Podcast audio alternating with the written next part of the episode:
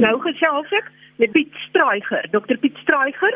Hy is betrokke by Panda. Dit is die uh pandemic data analytics span wat bestaan uit sakemanne, aktuariërs en nog vele meer en wat kyk na die ontledings van die tendense van wat met COVID wat getal COVID getalle maak oor see en dan kyk hoe dit in Suid-Afrika volg en daarvolgens volgens hierdie modelle dan amper kan sien wat verder gaan gebeur. Baie welkom uh Dr. Straiger. Baie dankie.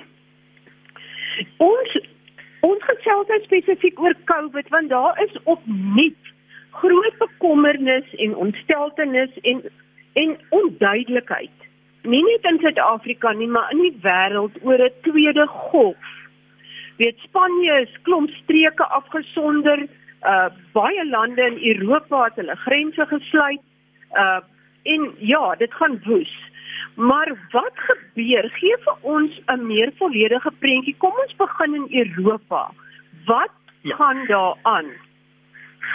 Goed, ek dink ons moet net onthou met die eerste golf in Europa omdat die pandemie so vinnig begin het, het hulle oorsaaklik mense getoets wat reeds baie siek was en uh, die aantal gevalle wat hulle gemeet het by die met die eerste golf was baie baie laer as die hoeveelheid mense wat regtig die infeksie opgedoen het. Jy weet ons praat van 20 tot 40 keer keer laer.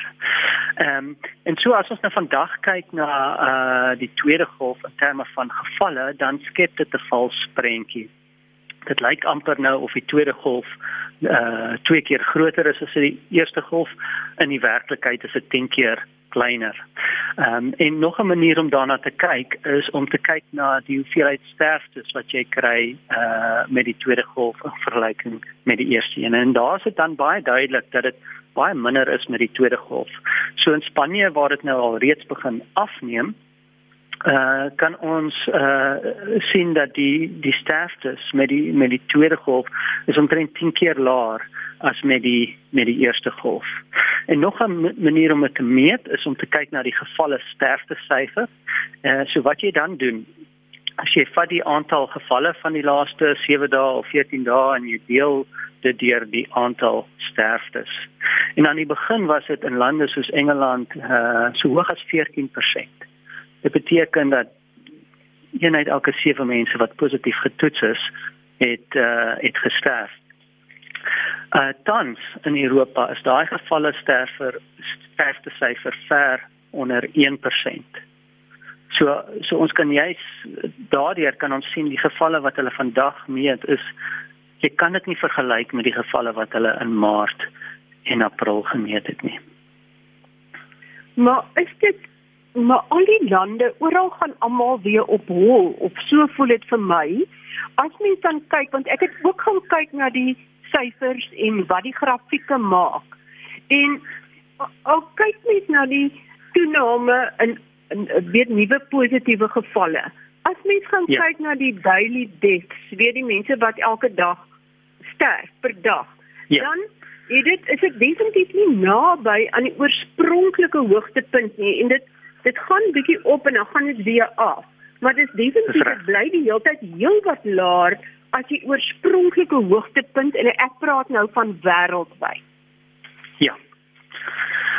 Ja, so die so die rede daarvoor is ek sê die rede daarvoor is daar is al 'n mate van immuniteit in 'n gemeenskap. So mense maak baie keer die fout hulle dink daar is daar's geen immuniteit nie en dan op 'n sekere stadium bereik jy 70% infeksies in die populasie en eers dan uh het jy sogenaamde kudde immuniteit en dan gaan die virus uitsterf. En dit is nie dit is nie heeltemal waar nie. Immuniteit bou stelselmatig op in 'n gemeenskap. Elke persoon wat siek raak en weer gesond raak, uh, is nie meer deel uh, van die groep wat vatbaar is nie. So immuniteit bou stelselmatig op in 'n gemeenskap. En selfs met die eerste golf is dit die rede hoekom dit uitgesterf het. Uh die virus het nie meer vatbare mense gevind om na toe te gaan nie. Nou dit kan natuurlik vir twee redes wees. Mense kan wegkruip van die virus, maar daar is ook natuurlik inherente immuniteit in mense. So die virus soek heeltyd vatbare mense om na toe te gaan en as dit nie by so 'n persoon kan uitkom nie dan dan sterf hy dan sterf hy uit. So wanneer jy dan 'n uh, uh, seksionale uh, opvlamming het dan die rede hoekom dit soveel laer is die tweede keer is omdat daar 'n mate van immuniteit in die gemeenskap is wat opgebou bou het. Daar is natuurlik ook baie artikels in die pers wat wys dat daai immuniteit wat mense het wat nou reeds gesond geword het, verdwyn baie vinnig en dit is ook 'n wanpersepsie. Ja, dit neem af, maar dit is voldoende. Uh en dit neem af baie stadig oor uh oor 'n lang periode. Dit begin dalk uh vinnig, maar dan is dit soos dan word dit uitgestrek oor 'n lang periode en dit is genoeg om die gemeenskap 'n mate van immuniteit te gee sodat daai gemeenskap beskerm, beskerm is.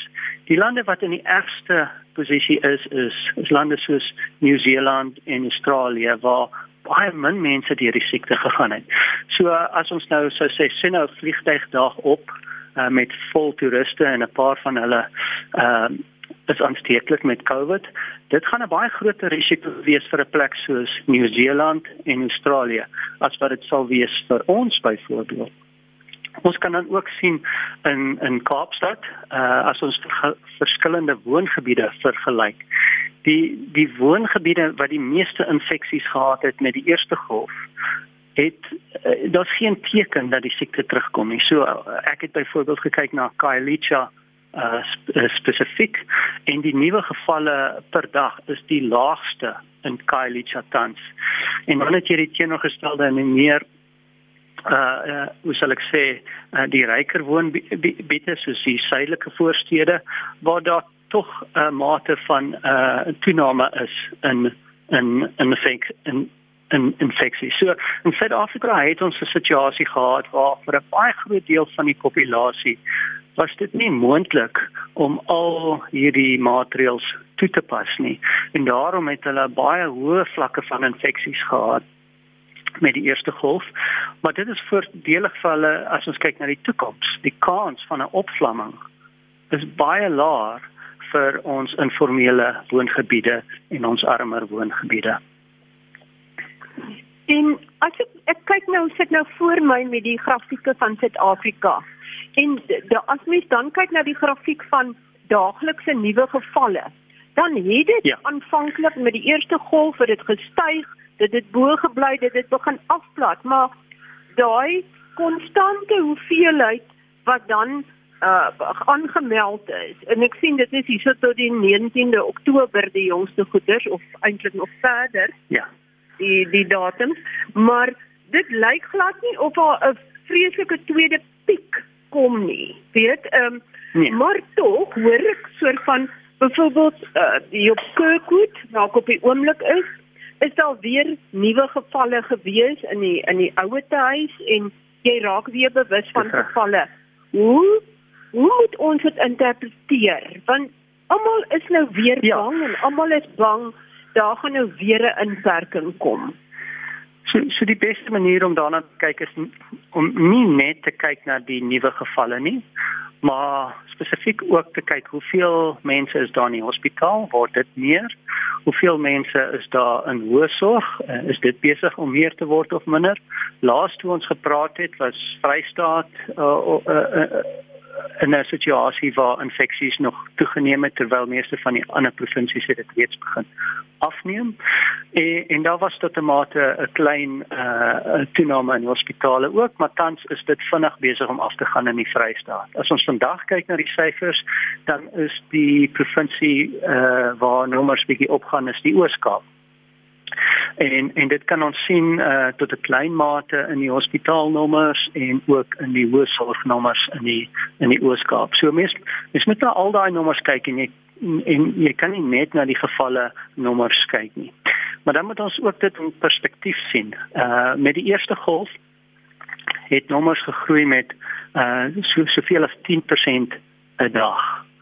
Nou in Europa kan ons sien met die tweede golf is daai groeikoers begin op 'n baie laer vlak. So dit is nie naaste by so styl soos wat dit was met die eerste golf nie. So jou risiko in terme van hospitale wat te veel pasiënte gaan hê is is is is nie meer daar met die met die met die tweede golf nie. En daarom glo ek dit is 'n dit is 'n groot fout vir hospitale om nog steeds uh kapasiteit reg te hou vir COVID en dan ander siektes uh af te skeep. So uh ons weet al klaar in Suid-Afrika die aantal COVID sterftes wat ons gaan hê vanjaar is is nog steeds minder as die HIV sterftes wat ons wat ons het. So ek voel net daar jy weet daar moet 'n balans wees. Mens kan nie net na een probleem kyk nie. Jy moet uh, veral nou dat dat daar soveel minder COVID pasiënte is, moet jy verseker begin kyk na al die ander gesondheidsprobleme. Ehm um, Dr. Streicher, die moontlikheid van 'n nuwe inperking. Kan dit 'n effek hê? Het dit in in in Europese lande nou 'n effek gehad? Wat wat hy die syfers vir ons as ons net wetenskaplik ja, en statisties so, daarna kyk? Daar het nou al hoe meer verslae uitgekom en ehm um, wetenskaplike artikels oor die effek van inperkings in Suid-Afrika. En in meeste stem nou saam dat in Suid-Afrika het inperkings geen effek gehad nie. So uh, hoe hulle daarna kyk en dit sluit nou in die NICD, hulle het ook 'n verslag, hulle vyfde verslag uitgebring wat tot dieselfde gevolgtrekking gekom het. Hulle kyk na die hoe vinnig die siekte groei uh terwyl jy sien nou van vlak 5 skuif na vlak 4 en en dan kyk hulle of daar opvlamming is. Daar was nie 'n opvlamming. En toe ons van vlak 4 na vlak 3 ge, geskuif het, het hulle gekyk of die groeikoers verander het. Dit het nie verander nie. Van 3 na 2, dit het nie verander nie. Van 2 na 1, dit dit het nie verander nie. So daar is geen teken dat inperkings in Suid-Afrika uh effek gehad het op die siekte en ek dink 'n groot rede daarvoor is natuurlik dat 'n groot deel van ons bevolking uh dit baie moeilik uh vind om van die maatreëls toe te pas. En vir sekere dele as almal in 'n baie klein informele uh woongebied as almal in 'n baie klein huisie ingaan dan verhoog jy eintlik die die digtheid van van mense en dit kan dinge ook tot mate erger maak. So inperkings in Suid-Afrika het nie 'n verskil gemaak aan die siekte nie, maar dit het 'n massiewe ekonomiese impak gehad. Ons het baie mense wat hulle werk verloor het, ons het baie mense wat besighede opgebou het vir 10 jaar, 15 jaar wat hulle besighede verloor het. En ek dink tog die regering besef dit. So ek persoonlik sou die kans hê dat ons terug gaan gaan na strenger beperkings is vergelaatbaar klein. En en sou dit gebeur, dan sou dit nie 'n rasionele besluit wees nie.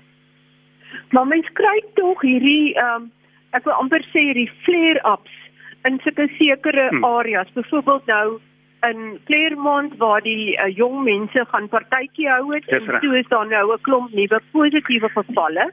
Maar dit is nie mense wat noodwendig baie siek word of sterf nie. Ja. En nou ook met die nagklap in Sandton en so aan en ek is seker dis maar net twee gevalle waarvan ons weet. Daar seker heelwat sulke gevalle, maar wat staan 'n mens dan te doen? Moet moet mens dan nog steeds maar massa by einkomste vermy en jou maskers dra en goed of uh, moet ons maar aanvaar dit is deel van ons lewe? Wel ek glo vir mense, jong mense, is die risiko so klein dat uh ek voel hulle moet teruggaan na normaal.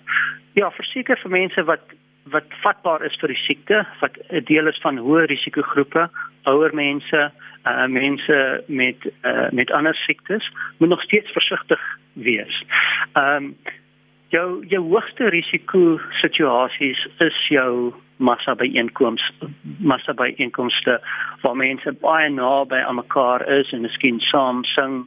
En dit dit is dit is die hoogste risiko omgewing.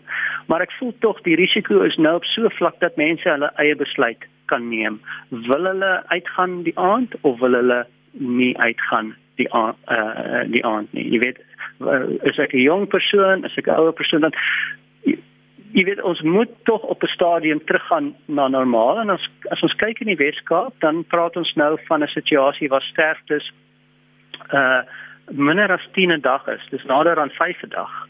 So dis dis al klaar 10 keer laer as wat dit was in in Junie. So dis jy weet dit maar altyd 'n 'n balans. Ehm um, maar ons moet tog net onthou, jy weet elke persoon wat siek raak en gesond raak, is een persoon minder wat vatbaar is en dit is 'n voordeel vir die hele gemeenskap in die sin dat die virus vind dan al hoe moeiliker iemand om na toe te gaan. Ehm um, en en daarom sê ek ook, jy weet dit dit was die die informele woongebiede was dalk die hardste getref in Junie en Julie, maar vandag is dit die veiligste plek om te wees. Die plekke waar waar jy die minste veilig is is is die plekke waar die me mense die mees versigtigste was. Nou as jy versigtig is, is dit 'n voordeel vir jou as 'n individu, maar dit is 'n nadeel vir die gemeenskap. Die gemeenskap trek 'n voordeel daaruit as meer mense deur die siekte gegaan het. As jy nou kyk na ehm um, baie mense praat van kudde immuniteit. En ja. jy sê nou dat selfs teen 'n lae infeksiekoers begin daar 'n ja. tipe en ek sal nie sê weerstand nie, maar tipe kudde immuniteit in die gemeenskap op te bou. Is dit hoekom wat jy is die nosie dan dat eers sê al 60 of 70% van mense dit kry, dan begin die siekte op homself in te plop. Hoekom is dit anderste met die een? Wat van ja. julle syfers van 'n statistiese so die, die rede die rede hoekom daai 70% uh te hoog is is ons is redelik seker dat jou jong mense enigiemand van 0 tot 20 jaar baie uh moeilik die siekte opdoen en as hulle die siekte opdoen is hulle simptome in meeste gevalle baie lig. So mense word nie aangesteek deur jong mense nie. So daar is studies gedoen oor uh kinders en crashes en en, en dit is nie 'n vektor waar mense aange, aangesteek word nie. So jy, jy kan onmiddellik 20% van jou populasie in Suid-Afrika is dit meer as 20% want ons meer as 20% van ons populasie is jonger as as as as 20. Jy kan hulle uit daai uh epidemiologiese vergelyking uithaal en dan verlaag daai 70 uh persent wesentlik. Die ander fout wat mense maak, hulle kyk na die persentasie gevalle tans en sien hulle o, dit is min of meer 1% en dit is verskriklik ver van 70%. So ons het geen mate van uh immuniteit in die gemeenskap nie. En dit is ook 'n fout want daai 1% is slegs 'n fraksie van die mense wat die infeksie opgetel het. So ons kan al klaar sien as ons kyk na die toetse wat gedoen is uh in die informele buurte en in in in die townships in Kaapstad dat hulle het antiliggame gemeet in tot 40% van individue. So dit is dit is baie hoog. Uh, op 'n wêreldwye vlak is is dit 'n baie hoë nommer. So jy het 'n baie hoë vlak van uh gemeenskapsimmuniteit in in jou armer woongebiede in in in die Kaap. En selfs vir Khayelitsha is die offisiële nommer vir gevalle is 1.9%. So dit dit, dit wys aan baie duidelik dat daai gevalle van 1.9% is nie 'n ware refleksie van die hoeveelheid mense wat siek geraak het nie, want as 40% antiliggame het, dan het baie meer as 40% van mense die infeksie opgedoen en dit was in ieder geval van 'n fraksie van hulle was getoets. So dat dat 'n fraksie van die mense wat die virus gedra het of miskien weet wat eintlik positief was of die virus opgedoen het, is positief getoets. 'n Fraksie ja. van hulle het siek geword. 'n Fraksie van hulle het ernstig siek geword is uh, is dit eintlik die storie wat jy begin sien. Dat is ja, eintlik so, baie klein persentasies. Ja, skus. Ja. Hoe ons die immuniteit meet in 'n gemeenskap is met die R-nommer. Hulle noem dit in Engels basic reproduction number. En daai nommer neem af van die begin af. Kom ons sê hy begin by 2 gaan af na 1.5 en sodra hy by 1 kom dan sterf die virus uit en dan het jy baie min nuwe gevalle. Nou daai nommer neem af vir net een rede. Daar is minder mense oor na wie die virus toe kan gaan. So aanvanklik kan een persoon dit gee vir drie ander persone en dan 'n bietjie later net vir twee ander persone en dan miskien later net vir een ander uh persoon. So ja, daai uh R-nommer neem af van die begin af. En dit is 'n funksie van die immuniteit wat opbou in 'n gemeenskap. En ja, dit kan ook 'n funksie wees daarvan dat mense hulle vatbaarheid verminder deur byvoorbeeld weg te kry. Maar soos ek reeds gesê het, die die studies wat gedoen is in Suid-Afrika het gesê daai R-nommer het afgeneem nie as gevolg van die inperkings nie. Die R-nommer het afgeneem as gevolg van die baie mense wat die infeksie opgetel het. So as dit dan verdwyn, en RSR is onder onder onder 1 dan uh oor 'n klomp maande gaan jy dan weer 'n uh, vatbare populasie opbou. Daar gaan mense wees wat miskien sieker raak en dan meer vatbaar is in die virus. En dan sien ons die virus kom terug op 'n seisonale basis en dit raak endemies, dit raak deel van die samelewing. En dit dit is wat ons nou sien in Europa. Die virus is basies endemies. Ons kan verwag dat hy elke seisoen gaan terugkom en elke keer as hy terugkom, gaan die effek kleiner wees. So dis iets waarmee ons gaan saamleef. Maar gaan dit dan elke keer help? Sê maar dit breek in 'n sekere streek, is daar nou weer 'n paar nuwe gevalle. Is dit dan nie moeite werd om daai streek weer af te sonder? Is dit 'n manier ja, om dit weer te altyd of Ja. Uh, ons as advies is, jy weet 'n persoon wat siek is, moet by die huis bly. En jy moet ook nie dink dat 'n masker gaan keer dat hy ander mense aansteek nie. As jy as jy siek is en jy weet jy is siek, uh dan bly jy by die huis. Uh in in in dit is 'n baie belangrike dissipline en ek sou tog mense het beweeg in daai rigting as ek nou dink by ons eie kantoor 2 jaar terug was dit aanvaarbaar as jy werk toe kom as jy siek is. Vandag is dit glad nie meer aanvaarbaar nie. So dit dit is baie belangrik vir mense wat wat siek is moet nie in kontak kom met ander mense nie. En ja, so opvlammings is is is is moontlik selfs vir 'n ehm um, selfs vir 'n gemeenskap waar kom ons sê 60% van die mense is al deur die infeksie waarvan kom ons sê 40% dit nie eens geweet het nie. Selfs in daai gemeenskap het jy nog mense oor wat vatbaar is vir die siekte. So terwyl jy streng gesproke gemeenskapimmuniteit het, dit beteken nie dat elke individu het immuniteit nie. So daai individue wat nie immuniteit het nie, gaan nog steeds 'n hoë risiko loop as hulle na 'n massa byeenkoms gaan wat miskien 'n hoër risiko is. En so moet elke persoon maar self besluit wat se risiko is hy bereid om te neem Ehm uh, soos ek al in vorige programme gesê het, die risiko vir 'n 20-jarige om te sterf van COVID is 20 keer laer as 'n karongeluk. Nou as jou risiko soveel laer is, jy weet, dan gaan dit jou nie keer om 'n normale lewe te lei nie. Maar die teenoorgestelde is waar vir iemand wat 70 jaar oud is. Jou risiko om van COVID te sterf is 20 keer hoër as 'n karongeluk. So uit die aard van die saak moet jy as 'n ouer persoon ander besluite neem.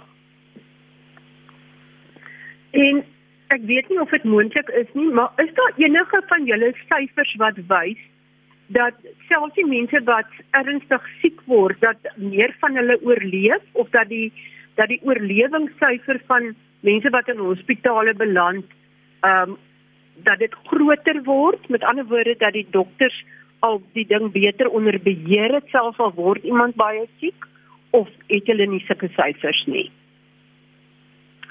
Daar is sprake daarvan. Ek dink die eh uh, protokolle in die hospitale is nou meer standaard. Ek dink aan die begin was daar onsekerheid en verskillende goed is probeer en en vandag is daar nou meer sekerheid oor wat om gedoen te word.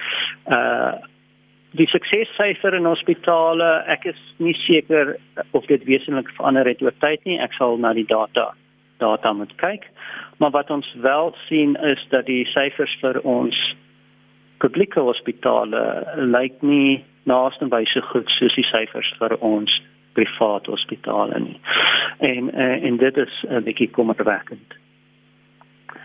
Ehm um, Dr. Streicher, as jy 'n boodskap moet gee wat jy graag wil hê dat beide die die ek wil amper sê die besluitnemers en die publiek van moet kennis neem oor die tweede golf of presies waar ons nou staan in Suid-Afrika en in die wêreld en met dien verstande dat die wêreldgesondheidsorganisasie ook onlangs 'n verklaring uitgereik het om lande te waarsku om nie blindelings mekaar te volg met allerlei inperkingsmaatreëls nie. Wat sou ja. jou finale boodskap wees? Wel my boodskap aan die regering is om eerder akkurate inligting weer te gee en die risiko's te vergelyk met risiko's wat mense uh beter ken. Ehm um, so akkurate inligting is baie belangrik. Ek dink dit is 'n baie groot fout van regerings en die media om hulle ehm um, hoe sal ek sê hulle doel te sien as om mense bang te praat. Nee, uh dit is baie beter om akkurate inligting te gee en en dan van van die wetenskaplike se agtergrond. Ek dink ons moet probeer dat om mense te kry om die probleem beter te verstaan. En dan moet ons mense vertrou as volwassenes dat elke individu die regte besluit gaan neem. Die besluite wat 'n 70-jarige gaan gaan neem, gaan baie anders wees as die besluite van 'n 20-jarige. Ons moet die vryheid van 20-jariges respekteer dat hulle normaal kan aangaan met hulle lewe, want aan die einde van die dag, die van hulle wat siek raak en weer gesond raak, uh plaas die hele land in 'n beter posisie, nie in 'n slegter posisie. Uh so dit is basies my boodskap.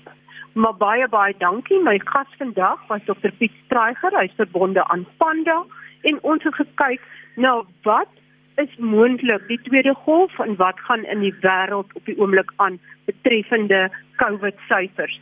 Die belangrikste boodskap moenie paniekerig raak nie en tree selfstandig ag en verstandig op dra jou masker, hou jou afstand, was jou hande en moenie moeilikheid gaan soek nie. Baie dankie en groete tot volgende week.